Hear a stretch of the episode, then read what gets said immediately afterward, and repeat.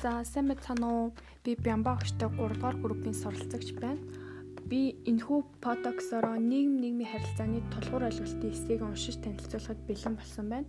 Нийгэм нийгмийн харилцаа нийгэм гэдэг нь нэг гэсний явцсан утгаараа өөрийн гэсэн хүмүүстэй өөрийн гэсэн нутаг дэвсгэр ёс заншил залгамж холбоотой байдаг.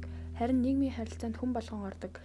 Жишээ нь гэрээсээ гараад дэлгүүр орлоо гэж бодох бодоход авах юмаа хэлхийн тулд худалдагчтай харилцаж ойлголцож байж авах ёстой зүйлээ авдаг. Хүмүүс өдөрт нийгмийн харилцаанд өөр өдөр бүр өөр өөр хүмүүстэй харилцдаг. Нийгмийн дотроо олон янзын төрлүүдээс тогтдог.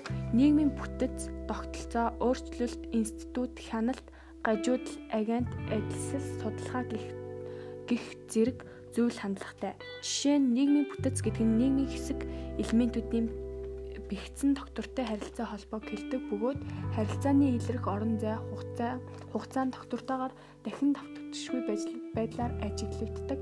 Нийгмийн тогтолцоо нь хүмүүсийн хооронд тогтсон харьцангуй бие даасан харилцаа гэлэн нийгмийн институт нь гэр бүл боловсрал улс төр шашин эдийн засгийн гих таван статусын зохицсон юм.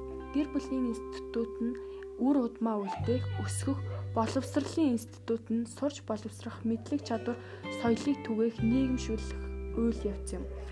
Улс төрийн институт нь нийгмийн доктортой байдлыг хангах, эдийн засгийн институт нь материал баялагийг үйлдвэрлэх, хуваарлах, шашны институт нь гэгэрүүлэх, ихтгэл бишрэлтэй болгох үйл явдал юм. Нийгмийн хяналтын дотор хоёр ангилагддаг албан ба албан бус хяналт.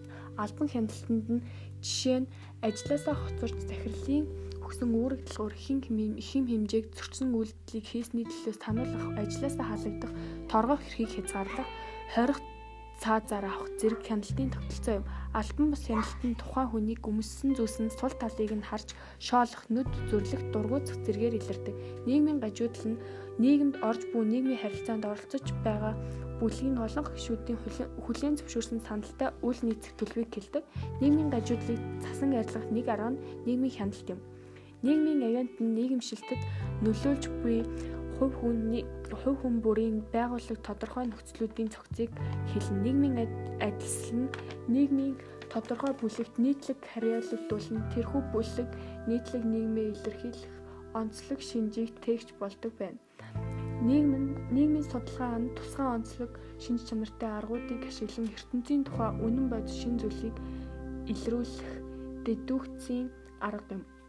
Ийм олон янзын төрөл төрөл зүйлээс нийгэм бүрэлддэг. Нийгмийг тодорхойлсон эрдэмтнүүдийн судалгаа нь гэвэл Германы социологч Мебер нь нийгмийг бусад хүмүүст болон үйл явцад хандсан нийгмийн бүтээгдэхүүн болдог харилцан үйлчлэл гэж авч үзсэн. Кем Маркс нь хамтын үйл ажиллагааны явцад бүрэлдсэн хүмүүсийн хоорондын харилцааны түүхэн ёсоор хөгжигч зохицсон юм.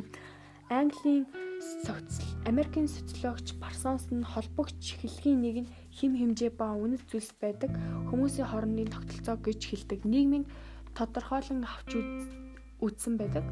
Нийгмийн харилцаа нь өвгөн бус хэлбэрээр бусдад ойлгогдож бид бол тэгшэрхтэй нийгмийн нэгэн адил гишүүн гэдэг. Нийгэм нь миний бодлоор эртний нэг эртний үеийн нийгмээс хэд дахин өөрчлөгдөж шинжилэлд орсон юм шиг санагддаг.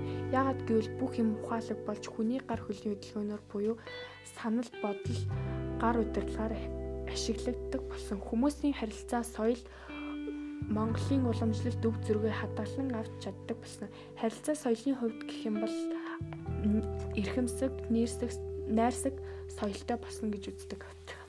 Сөрөг сөрөг нөлөө ан ядуурл гэр бүлийн хүчирхийлэл аригтлалт аригтлалтын төвшин ихэлсэн. Үндэсний хэмжээнд ядуурлын төвшин 2016 оны байдлаар 29.6 хувиар 2018 онд 28.4% хүртэл ялимгүй буурч байна. Үүний зэрэгцээ хүн амын 15% нь ядуурлын шуумаас дүнгиж дээгүүр амьдарч байгаа ба гинтийн хямралт үйл явдлын нөлөөгөөр ядуурлалд халтран орох эрсдэлтэй байна. Ядуурл нь хот суурин газар төлөвлөрөх хандлага нь илүү их байгаа. Ядуурлын төвшин хөдөөд буурсан боловч хот сууринд буураагүй жигд бус дүр зураг ажиглагддаг. Сүүлийн 12 дугаар сарын судалгаагаар хүчирхийлэл ихэнхдээ эмэгтэйчүүд өчтдөг. Эмэгтэйчүүдийн 15-аас 49 болон 15-аас 64 насны насныхан бэлгийн хүчирхийлэл дарамтчилтанд өртсөөр байна. Сүүлийн 3 жилийн хугацаанд нийт 676 хүүхэд бэлгийн хүчирхийлэлд гэмт хэрэгтэрсэн судалгаа байдаг боловч сэтгэл сэтгэл зүйд нь үлдсэн айц тэр үеийн хар бараанд дурсан ч хизээ зэрэлдэггүй сэв сууж үлддэг.